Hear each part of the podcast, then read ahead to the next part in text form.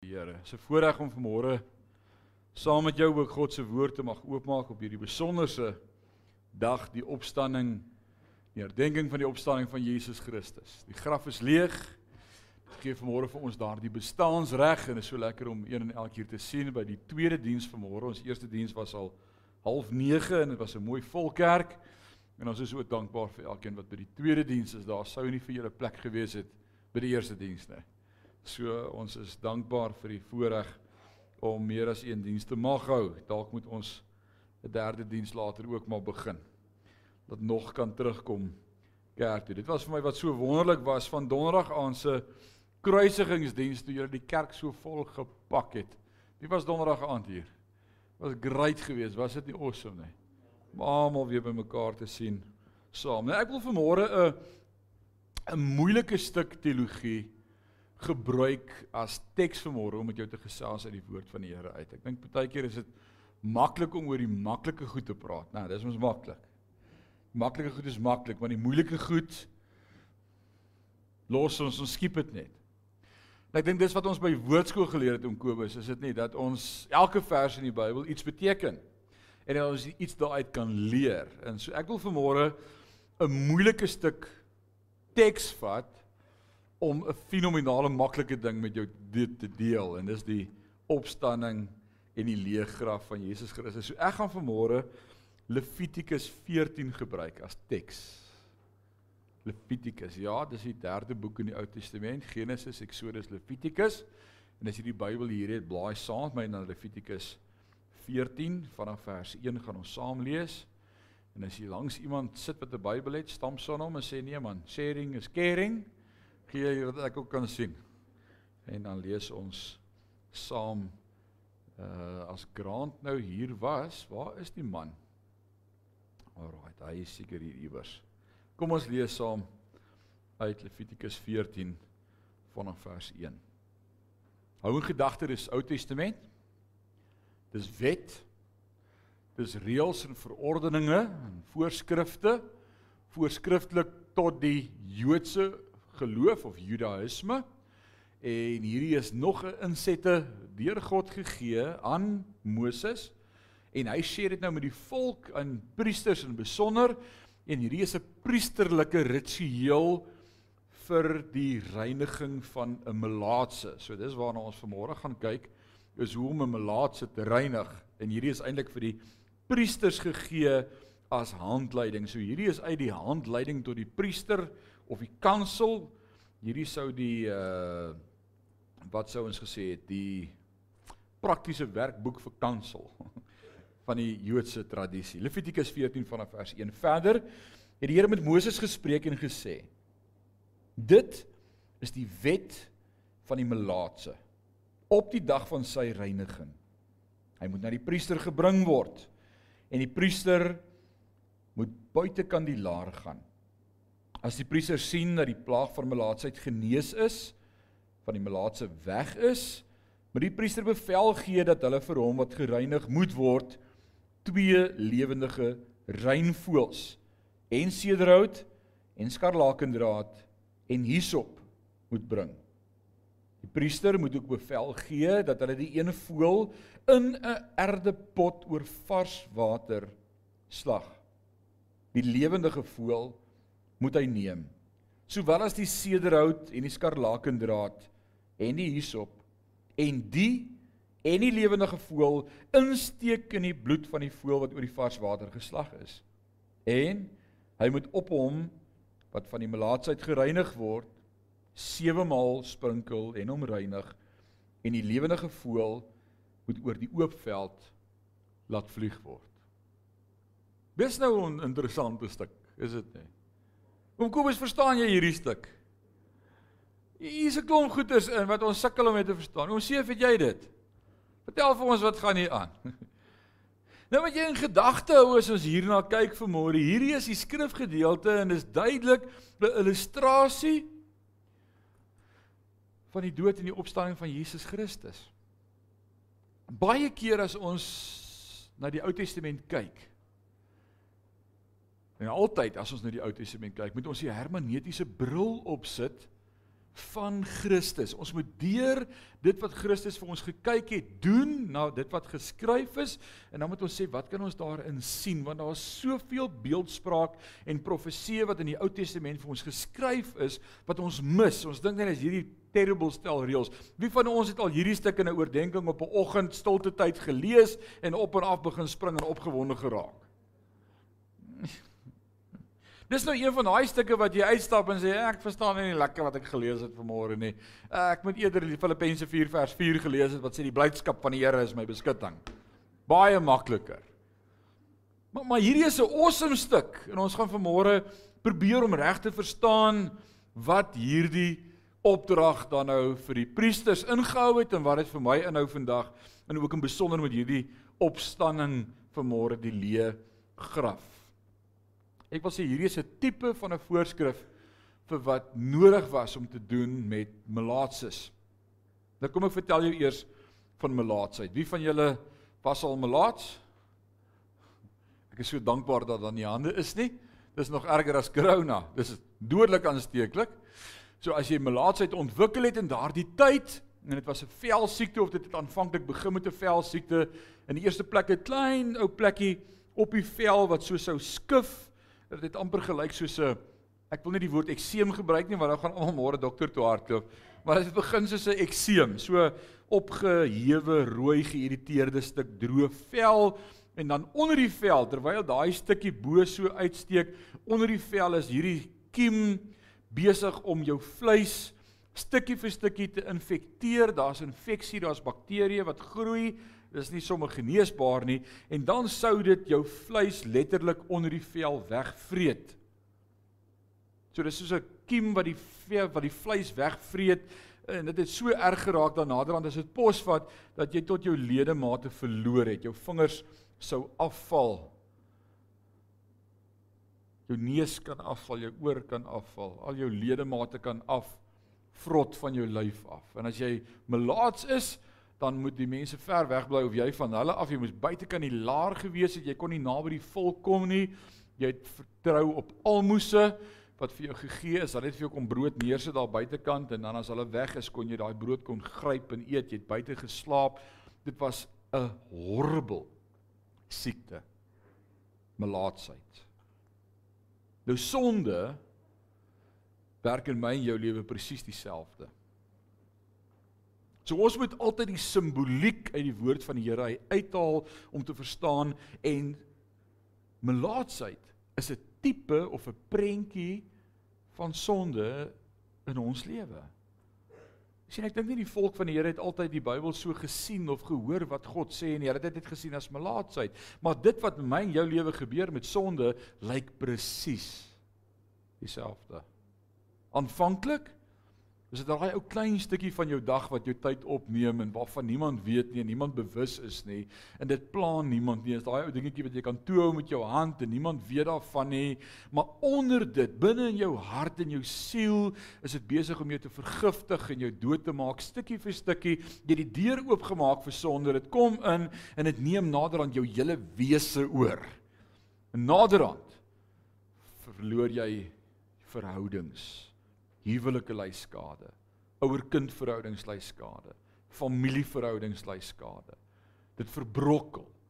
Naderhand as jy geïsoleer, so omhul deur jou kokon van sonde dat niemand meer iets van jou wil weet nie. Jy's geplaag met sonde. Dis wat sonde in ons lewe doen. En ons weet uit die woord van God uit dat dit juis was hoekom Jesus gekom het na die aarde om vir ons te sterf omdat ek en jy nie die vermoë het om sonde te kan los nie. Ons sukkel. Ons het al baie keer in die kerk uitgestap en gesê nou gaan ek werk aan my meer. Ek het nou gehoor wat sê die prediker vanmôre en ek moet hierdie meer nou uiteindelik onder beheer kry en as jy hier buite by die kar kom sien jy wragties iemand het in my kar se sterk vasgery terwyl ek in die kerk was en dan is jy op die oomblik van voor af erger kwaad as wat jy was. Is dit nie so nie? Ons sukkel met daai dinge. Dis nie net vir switch hom af of switch hom aan en is verby nie. Ons struggle daarmee. Groot vriend van my in Rustenburg en dit was vir ons 'n voorreg om hulle te ken. Ons ken nog steeds vir Gert, ou Brenda is al oorlede. En uh ek het vir Gert leer ken op Willebee Suid Eenskag finansbestuurder van Impala Platinum Mine en ek was in die IT departement op die rekenaarkant en ek moes daar by Gert in sy kantoor gaan rekenaars fix. Dit was toe Windows 95 net uitgekom het. Gee jy 'n idee van hoeveel jaar terug dit was. En uh yes like ons het daar gesit en ek onthou Windows 95 vir die van julle wat nou bietjie van Windows onthou was 40 stiffies. Wat is 'n stiffie gaan Christian nou vir my vra want hy gaan nie 'n klou hê nie. Vra my by die huis. Gaan ek jou vertel. Dit was net na floppies. Dit was 'n fenomenaal upgrade na 1.4 megagrepe per stiffie. Dis jare terug. 'n Harde skyf was 20 meg amper. En maar maar Gert het 'n sy kantoor was anders as al die ander. Hy was 'n kettingroker. Hy het gestap na waar die rook uitkom, want hy geweet waar Gert se kantoor. Hy het so 'n paar pakkies 20s of 30s se dag gerook. En op daai stadium wat ek vir Gert geleer ken het, was hy op Gunston Plain. Just like. Daar's niks so horrible soos 'n Gunston Plain nie. Kyk, daai man het reguit borshare gehad. Dit was dit was 'n sterk sigaret. Uh man, en ek moes so deur die rook die skerm sien waarmee jy besig is. En ek dink Gert het vir iets soos 50 jaar van sy lewe gerook. So ek is is 50, dit kon langer wees. En toe op een dag, toe chat ek en Gert met mekaar en hy sê vir my, "Weet jy wat? Hierdie ding het my lewe oorgeneem totaal en al." En en dis hoe sonde my lewe werk en ek sê nie vanmôre rook is sonde nie. Hoor mooi wat ek sê. Ek sê wel die Here het my oortuig dat dit vir my verkeerd is. 24 jaar terug by Omslanga Rocks op die strand toe ek en my vrou die aand daar sit op ons honeymoon en ek die stem van die Here hoor deur my vrou. Onthou die Here praat deur ander mense, Biliam donkies, die Here gebruik enigiemand om deur te praat. En sy vir my sê, "Is dit regtig die Here se plan vir jou lewe?" En ek hoor die Here wat my oortuig en ek het daai aand my pakkie Benny's en Henny's special malt so in die see gegooi en die Here het my net so verlos. Wat great is en ek kan getuig van verlossing. Maar iemand het eendag gesê jy gaan hemel toe, dit gaan net ryk asof jy in hel was. Dis so rook ryk. Alraai, so dit daar gelaat. Gert praat met my. Hy sê weet jy wat aan die aan die aan die begin toe ek begin rook het as laaitie daar agter die skaapkraal muur ek en my broer het uh ons besluit wanneer wil ons rook. As ons gap kry dan gaan ons en ons light daai sigaret en rook en dan spuit jy mos spuit goed en dan dink jy niemand ruik nie. Ons almal ruik jou, whatever. Uh maar wat later gebeur met daai klein gewoontetjies, jy sal weet, is is later vorm die gewoontes jou. Want hy sê hy onthou hy word een aand wakker en hy sit halfpad regop in die bed met die sigaret gelaai tussen sy vingers en hy dink maar hoe dit gebeur? Jy sien aan aan die, aan die begin was jy in beheer van hierdie gewoonte, maar naderhand dan neem hierdie gewoonte jou lewe oor. Aan die begin kon jy kies as jy daai glasie ingooi en jy was in beheer van hom, maar naderhand as jy wakker word die volgende dag dan sit die 6 of 7 botels om jou en dan dink jy was dit ek? Want dis wat 'n alkolikus getuig. Dis dis hulle storie. Is hierdie ding het nou my begin vorm en hy's in beheer van my. Dis wat sonde in my lewe doen. Jy maak net die deur oop vir die duiwel. En hy kom in en hy vat jou lewe oor. So dis 'n tipe van melaatsheid, die prentjie van sonde. Nou in Levitikus 14 deel met die reiniging van melaatsheid. Dis juist waaroor hierdie gedeelte gaan. Dis hoe om as iemand gesond of genees is van melaatsheid, hoe om hom te reinig. Vers 2 het vir ons gesê, dit is die wet van die melaatse op die dag van sy reiniging. Nou neem gou net 'n paar dinge in gedagte. Vir 1500 jaar vandat hierdie wet gegee is of hierdie riglyn of hierdie gebruik vir 1500 jaar was daar nie een Jood wat ooit genees is van melaatsheid nie. So ongeneeslike siekte. En ek wonder as ek 'n profeet sou wees in daardie dae, Joodse rabbi of 'n priester, en ek moes daardie goed leer om eksamen te skryf oor oor die priesterskap en ek sou in my eindeksamen vrae stel, daardie vraag kry oor noem net gou vir ons die voorskrifte vir die reiniging van melaatsheid, gaan ek dink Ek dink ek gaan dit in my lewe ooit gebruik nie. Hoekom moet ek dit leer? Jy weet as jy moet voorberei vir 'n eksamen of dalk 'n nagraadse studie wat jy voltooi of 'n kursus of selfs ons skooliere. Christian sê kort kort vir my, ek weet nie wat sien nut van dit wat ek nou leer nie. Ek gaan dit nooit weer gebruik nie. Hoeveel goed het jy in jou lewe geleer wat jy nooit weer gebruik het nie? Baie. En ek dink hierdie priester het dalk so gevoel, sê wat? Ek gaan dit in my lewe nie gebruik nie. Vir 1500 jaar was daar nie ooit 'n melaatse wat gesond geword het nie. Dis onmoontlik. Inteendeel, daar was net een melaatse in die Ou Testament wat gesond geword het ooit en hy was 'n heiden. So hierdie Joodse gebruik het nie eens vir hom getel nie. Sy naam was Naaman. Onthou julle? En wat het die priester vir hom gesê? Die profeet, hy het vir Naaman gesê: "Gaan was jou in die Jordaan en jy sal gereinig word van jou melaatsheid." En hy het nie nodig gehad om na die priester toe te gaan om hom reinig te verklaar nie want hy was heiden. Is nie 'n Jood nie.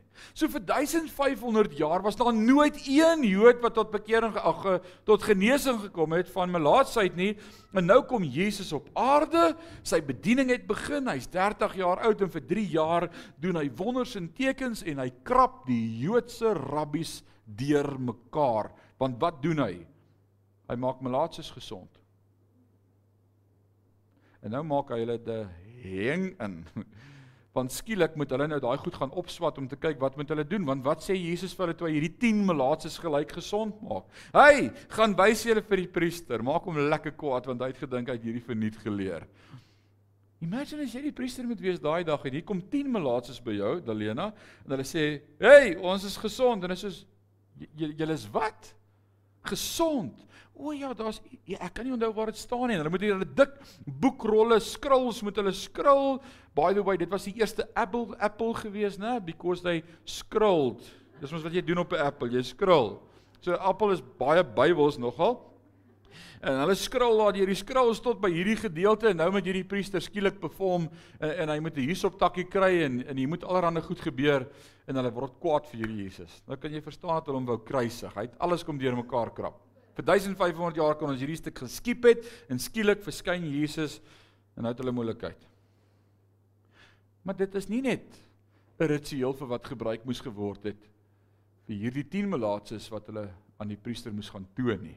Hier's hier's baie meer simboliek hier in vanmôre. Hierdie gedeelte in Levitikus 14 handel oor Jesus Christus. En wat hy vir my en vir jou kom doen het om ons te reinig van melaatsheid. Want ek was melaats. Die, die woord van die Here sê vir my ek is in sonde gebore en ontvang en dit ontbreek my aan sy heerlikheid. Romeine 6:23 sê want ons almal het gesondig en die loon van die sonde is die dood. Ek ek was op pad hel toe. Ek was dood in my sonde. Jy hoef nie vir 'n kind te leer om sonde te doen nie. Hy doen dit van self. Jy hier's die juffrouens. Ek moet vir hulle vra, moet jy vir kinders leer om stoute goed te doen? Dis net in hulle. Jy weet nie waar dit vandaan kom nie. Daai oudste laaitjie van ons, hy's nie hier nie, is hy? Ek hoop nie hy sit in die bidkamer en luister nie. Kom hy's al by die huis. Hy was 6 maande oud. Toe moet ons hom vat vir baba inspuiting. Onthou jy, 6 maande. En hy sit in daai pragtige blou stoeltjie met sy blou oogies en hy man, hy het hierdie blonde haartjies en ons is so lief vir hierdie seentjie van ons. Hy's die vrede van self. En uh die die kliniek het vir ons gesê ons moet vir hom 'n bietjie medisyne ingee voor die tyd. Laat hy nou nie as hy nou hierdie inspuiting kry nou koorsig raak of siek raak of jy weet mos nou, jy is 'n goeie ouer so ek gaan koop vir hom Panado stropies. Hy het nog nooit so iets gedrink nie. En pappa dink toe hy bederf sy kind, hy koop die strawberry flavour. Dis waarvan ek sou gehou het, strawberry flavour. En ons kyk die strawberry flavour panado stroop en ek lees mooi hoeveel mil en ek suig dit op en ons gee dit vir hom en hy sluk dit so lekker en hy sit in daai stoeltjie en ons was besig om klaar te maak in die volgende oomblik. Nou die Engels sê dit so mooi, he was a viper in a diaper. Dis soos rarig, daar's vuur in sy oë en hy as hy kon praat of uh, iets doen het ons doodgemaak uit daar. Dit was daar's daar's iets iets wat uitkom. Jy hoef dit nie vir hom te leer nie. En daarom is kinders pragtig as hulle klein is, maar ek so bly hulle is klein want anders het ons doodgemaak want want daar's net hierdie iets wat ontstaan in 'n kind. Hy's in sonde gebore. En hy vat wat hy wil hê, wanneer hy dit wil hê, as hy dit wil hê en hy hou aan skree tot hy dit kry. Alle kinders, ons was almal dieselfde. Niemand leer vir 'n kind om stout te wees. Ons is in sonde gebore. My kind is nie die uitsondering nie, inteendeel hy was minder stout as wat sy pa was. Nou glo nie in bloedlyn vloeke nie. Nou kom Christus om vir my en vir jou iets te doen aan die kruis. En kom ons vat hierdie prentjie, hierdie voorskrif van Levitikus en ons trek dit net deur na Jesus se verhaal toe, die kruisiging en wat die opstanding vir ons beteken vir môre en ons kyk wat moes gebeur. Vers 2 sê dit is die wet van die melaatse, dis ek en jy, melaatsheid op die dag van ons reiniging. Hy moet na die priester gebring word. Het vir my en vir jou na die priester gebring?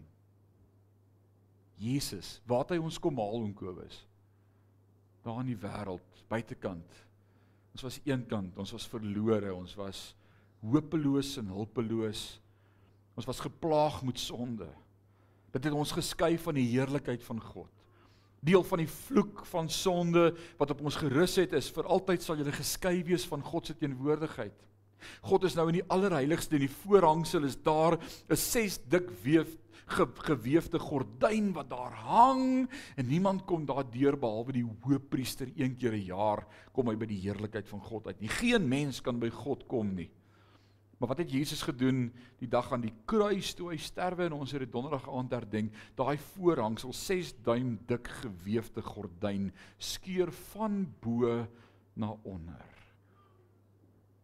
As ons 'n bietjie lees oor die geskiedenis van daardie tyd en die gewig wat daardie gordyn sou gehad het, dan het dit 40 priesters gevat om daardie gordyn op sy plek te hang in die tempel. Geen een mens alleen kon hom skeur nie. En hy skeur van bo na onder. Hoekom skeur God die voorhangsel? Want hy sê niks kan jy nou meer skei van my teenwoordigheid nie. Nou kan jy direk met my praat. Ek het nie meer die hoofpriester nodig om vir jou te sê so sê die Here nie. Ek wil vir jou sê wat sê die Here. My Heilige Gees gaan in jou hart bly. Moenie weer na 'n profeet toe hardop en sê het jy nie vir my 'n woord nie. Ek het nou vir jou woord want my Heilige Gees bly in jou. Hierdie verhaal sê hy moes ons kom haal buite kan die stad. Christus het vir my en vir jou kom haal buite kan die laar. Ons was die Samaritane wat geplaag was en eenkant moes wees, maar hy het ons kom haal. Vers 4 sê moet die priester bevel gee dat hulle vir hom wat gereinig moet word twee lewende reinvoëls en sederhout en skarlakendraad en hysop moet bring. Nou twee voëls, baie interessant. Hierdie twee voeltjies was twee mossies gewees. Wie van julle het mossies by die huis? Nee, nou ook nie. Hulle is so algemeen en kom en hulle is oral. Ons sit vir hulle saaitjies uit daar voor by ons venster en ons van die lekkerste in die namiddag as ek so in die kamer sit en ek kyk so oor en ek sien hoe eet die voeltjies, mag genade hulle kan vreet. Want as ek daai ding vol maak, is hy môre leeg. Hulle eet met 'n spoed. Maar is gering. Hulle is algemeen. Ek dink as ek nie kyk nie skiet Dewald hulle met die Wimbuks. Dewald, pas op vir jou. Jy mag net Indian miners en bosduwe skiet. Maar maar 'n mosie is 'n geringe ding. Dis algemeen, maar dit spreek ook van nederigheid, van eenvoud. So hierdie mossies verteenwoordig Christus. Die evangelie skryf dit vir ons so mooi. Hy sê hy het geen gelaat gehad dat hy begeer sou word nie. Hy was nie mooi van gestalte nie. Inteendeel ons weet niks van hoe Jesus gelyk het uit die evangelies uit nie. Nie een skryf vir ons hoe hy wit hare gehad of hy 'n mooi gladde vel gehad of hy was blas of hy was lank of ons weet niks van hom nie. Die evangelieskrywer Jesaja profeteer dat hy sê niemand wou nie eers na hom kyk nie. Hy was 'n normale mens, nederig, eenvoudig. Maar nou word hierdie voeltjie vir ons geslag. Hierdie simbool van eenvoud en nederigheid word vir my en vir jou geslag aan die kruis en dis wat ons geselebreer het donderdag aand Vrydag kruisigingsdiens. Hoe hoe hoe moet hierdie slagting plaasvind? Want dit is interessant. Hy moet oor 'n erdepot of 'n erdebak, 'n kleipot geslag word. En wat moet in die kleipot wees? Water. Die priester moet ook bevel gee dat hulle die een voël in die erdepot die pot. En wat is erdepot? Onthou jy die die gesig wat vir die profeet gegee word van die pottebakker se huis en hoe die pottebakker besig is met die klei en dan sê hy vir hom soos julle in my hande ek is die pottebakker en julle is die klei. Ah so so wie's hierdie erdepot, die pottebakker se pot? Wie wie simboliseer dit? Ons as mensdom. Alraight? En wat gebeur? Wat is in hierdie pottebakker se pot? Water. Nou water simbolies uit die Bybel, het altyd twee betekenisse. Dit kan een van twee wees. Hang af wat se applikasie daarvan. Water kan of gedrink word of dit kan reinig. Jesus gebruik telke male hierdie beeldspraak in sy bediening as hy praat water van om te drink en water om te reinig. Nou wanneer is wat wat en wat is hierdie twee simbole? In die eerste plek die Heilige Gees. Matteus 7 vers 36 tot 39 roep Jesus uit op daardie dag van die groot fees. Dit was die laaste dag van die fees en dan roep Jesus met 'n harde stem dat almal hom sou hoor. As jy dors het, kom na my toe. Ek gee water om te drink en rus en vrede. En wie van my drink sal nooit weer dors kry nie tot in ewigheid. En dan sê Johannes, Johannes was bietjie in hindsight skryf hy die evangelie en dan skryf hy daar in hakkies en dit het hy gespreek van die Heilige Gees wat sou kom. So water, drink, altyd 'n tipe van die Heilige Gees. Kan jy onthou daar in Johannes 4, die vrou by die put? Samaritaanse vrou.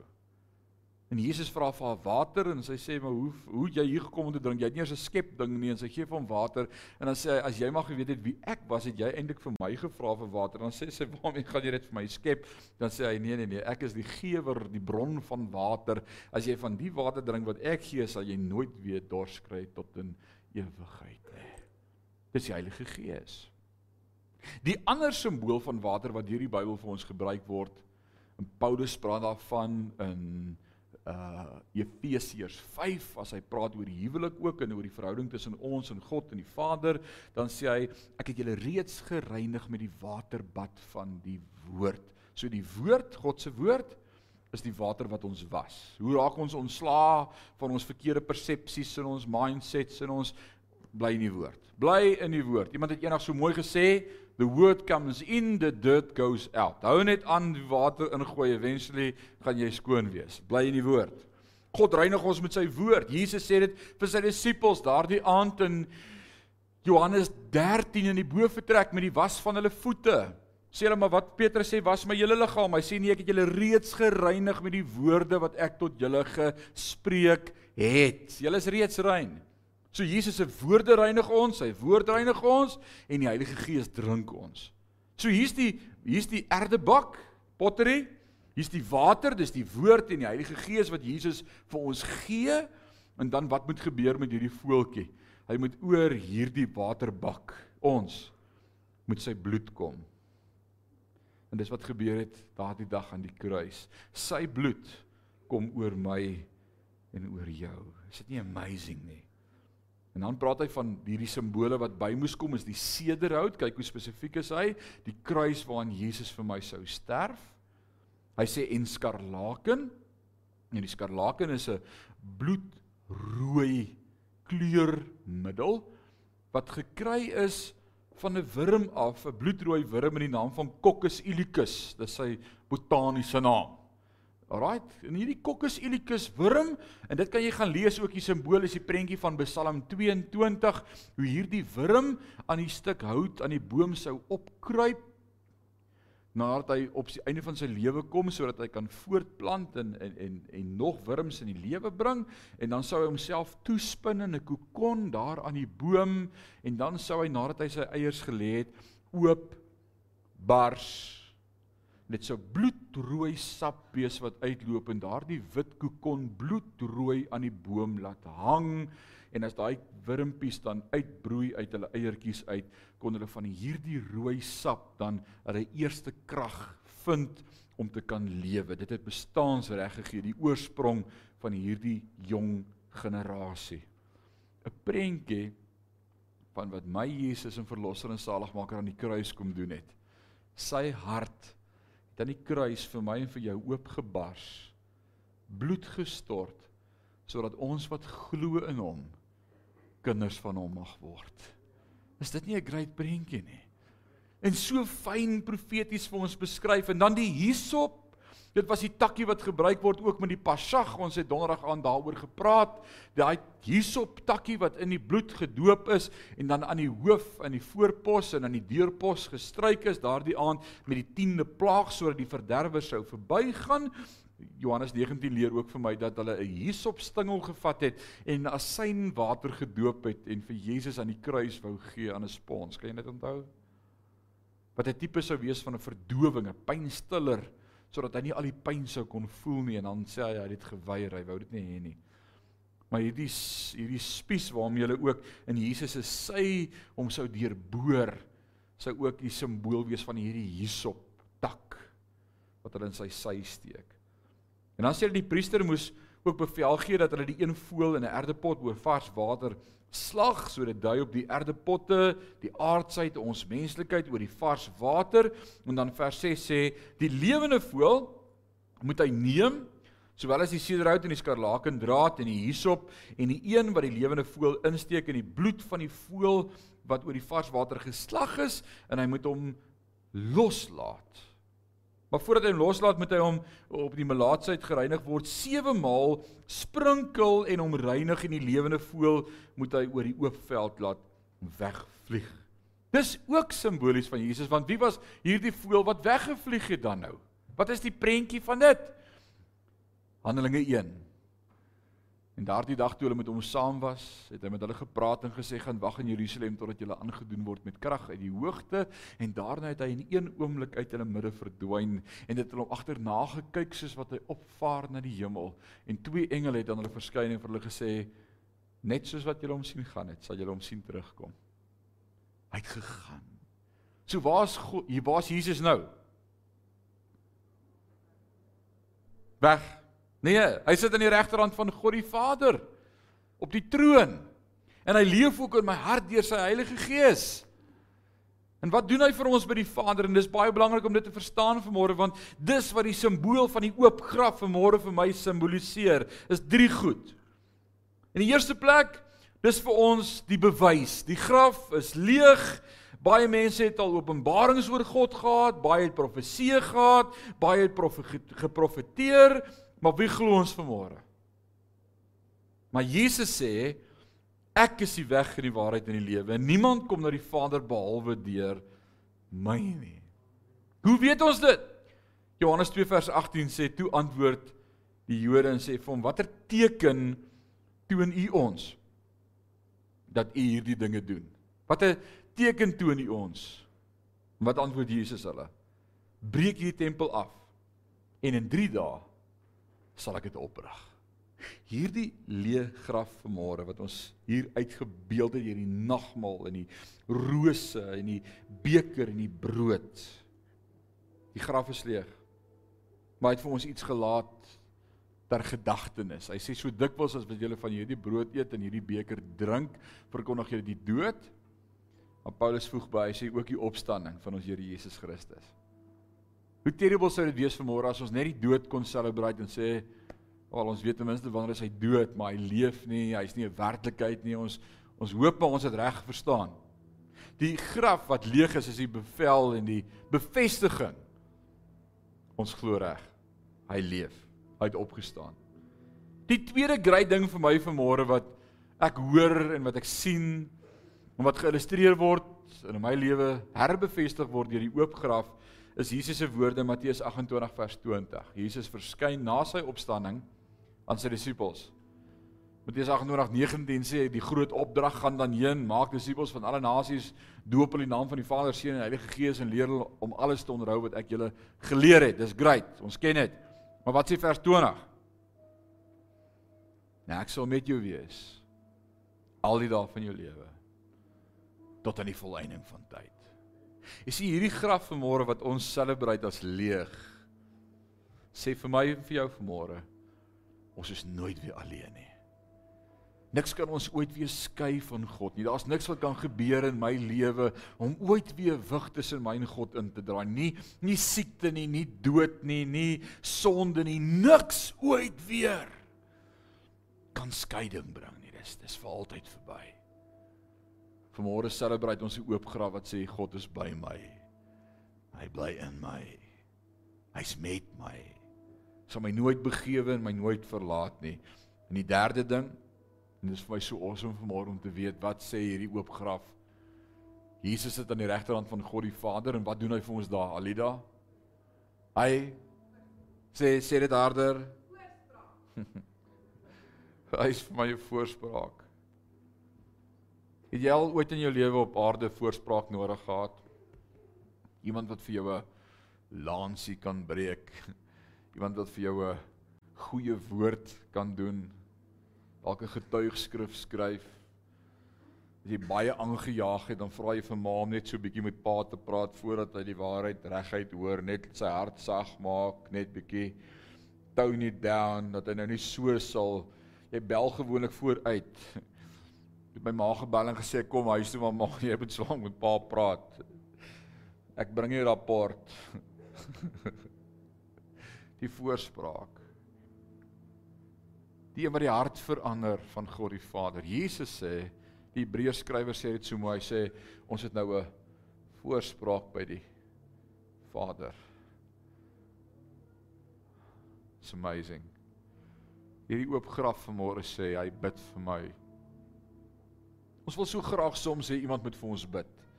Ons het almal 'n behoefte soms om net as daar ons WhatsAppie pastoor, jy moet nou vir my bid. Dis great, dis 'n voorreg om saam met jou te kan bid. Maar ek wil vir jou sê die bewaarder van Israel wat nooit sluimer of slaap nie. Hy bid vir jou. En hy weet wat om te bid vir jou wanneer ek nie eens weet wat om te bid nie en as niemand weet wat fout is met jou nie, weet hy van jou. En hy is wakker oor jou en sy beloftes wil hy waarmaak oor jou en hy tree vir jou in met die Vader jy die beste intercessor van alle lewens, van alle tye, Jesus Christus. vir jou intree by die Vader. En hierdie oop graf sê vanmôre vir my, ek het 'n voltydse intercessor. Jesus Christus. Hy's altyd by my deur sy woord. Man, hierdie oop graf sê vanmôre vir my, daar's ewige lewe. As jy die nagmaal elemente ontvang het toe jy ingekom het, neem dit en maak so lank daai plasties oop. As jy nie het nie, steek gou jou hand op. Ons wil seker maak almal het nagmaal hier in die middelblok. Dankie Grant. Steek gou jou hand op. Michelle kry daar twee. Wie sal nog wat nie nagmaal het nie? Steek gou jou hand op. Ons wil seker maak almal het gekry. Great, niemand onder nie. Iemand op die galery? Iemand bo? Great. Kry daai broodjie in jou hand. Dis nou 'n ongesuurde broodjie hierdie plat. Kry net die plasties af, haal hom af, help vir jou ma net daar so. Sy het hom. Hm. Alraight. Vanmôre sê hierdie broodjie vir my en vir jou. Dis vir ons 'n bewys. Jesus lewe. Dis 'n bevestiging hy is by ons. En vanmôre sê hierdie vir my, hy bid vir my. Is dit nie awesome nie? Is dit nie awesome nie? Hy bid vir ons. Here, ons wil verdank met harte vol dankbaarheid teenoor U vir U kom dankie sê vir die kruis, die prys, maar ook celebrate ons vanmôre dan die opstanding. Dit wat bestaansreg gee aan ons as Christelike kerk, U lewe in ons harte. En ons sê vir U dankie daarvoor. Dankie vir U liggaam. In Jesus naam. Amen. Kom ons eet saam sy liggaam.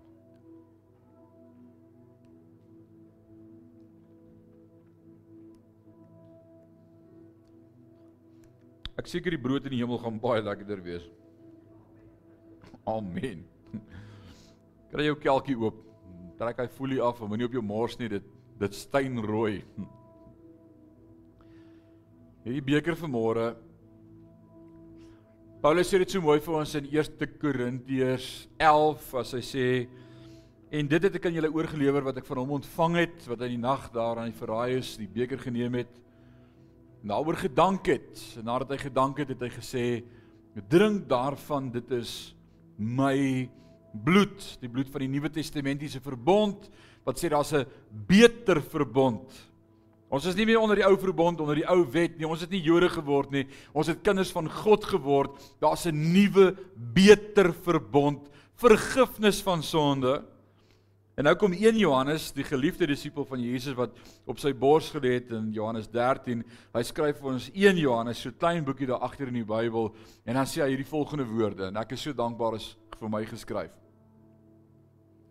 Hy sê die bloed van Christus reinig ons voortdurend van alle sonde en ongeregtigheid. Wat beteken voortdurend? Dion altyd aanhoudend heeltyd dis genoegsaam sonder ophou ek weet nie van jou nie maar ek het dit altyd nodig ek maak hier 'n besluit en as ek hier uitstap sukkel ek van voor af en ek sê Here vergewe my maar sy bloed sê ek reinig jou voortdurend voortdurend en Vader daarom is ons vanmôre so dankbaar oor die bloed die beker u seun Jesus Christus. Sê vir dankie daarvoor met groot dankbaarheid teenoor u het u ons lewe kom verander. Dankie vir die bloed. In Jesus naam. Amen. Kom ons drink die beker.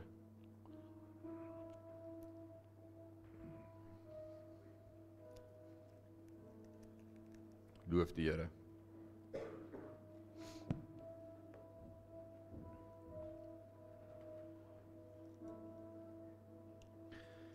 Jy kan daardie kelkie saam met jou neem daar voor in die voorportaal of jy by die deur is daar 'n asblikkie. Anders sit jy hom net op daai houtjie daar voor jou neer. Ons sal na die tyd dit optel. Ek wil gou 'n laaste punt met jou share vanmôre. Wat vir my die belangrikste punt is en dan gaan ek regtig almal sê saam per tyd. Nog 2 minute. Wat sou die leë graf En selfs die kruis en die prys wat Christus vir my en vir jou betaal het, beteken het? As ons dit net vanmôre as 'n storie sou verkondig vir die wêreld daar buite en vertel kyk wat sê my boek. Dis 'n storie. Jesus het opgestaan Ek wil vanmôre die volgende stelling maak en jy moet mooi hoor wat ek sê die opstanding van Jesus beteken niks vir die wêreld as hulle dit nie in my kan sien nie. Jy nou mooi dink voor die amen sê. Dis 'n statement. Die opstanding van Christus, die leë graf van môre beteken vir die wêreld niks as my lewe dit nie kan wys nie. So hier kom die vraag dan vir ons as gelowiges wys jou lewe die leë graf. Wys jou lewe die verstaan dat Jesus Christus die weg, waarheid en lewe is. Wys jou lewe dat hy by jou is. Wys jou lewe dat hy vir jou intree by die Vader dag en nag. Of moet ons soos baie van ons ouers al met ons kinders gedoen het vir hulle gesê moenie doen wat ek doen nie, doen wat ek sê. Mag die Here ons help dat die kruis vanmôre in ons lewe, die oop graf betekenis sal kry. En dat ek soos Paulus kan sê, wees my navolger soos ek Christus navolg kyk in my lewe na die betekenis van die leë graf en maak dit ook joune. 'n Wêreld het dit so nodig daar buite. Mag die oop graf vanmôre in my en jou lewe nuwe betekenis kry. Hy leef. Maar hy leef ook hier. Gaan in vrede. Die Here seën jou in hierdie week. Mag jy 'n awesome week hê en weet die Here is lief vir jou en hy's by jou. En hy bid vir jou. Amen.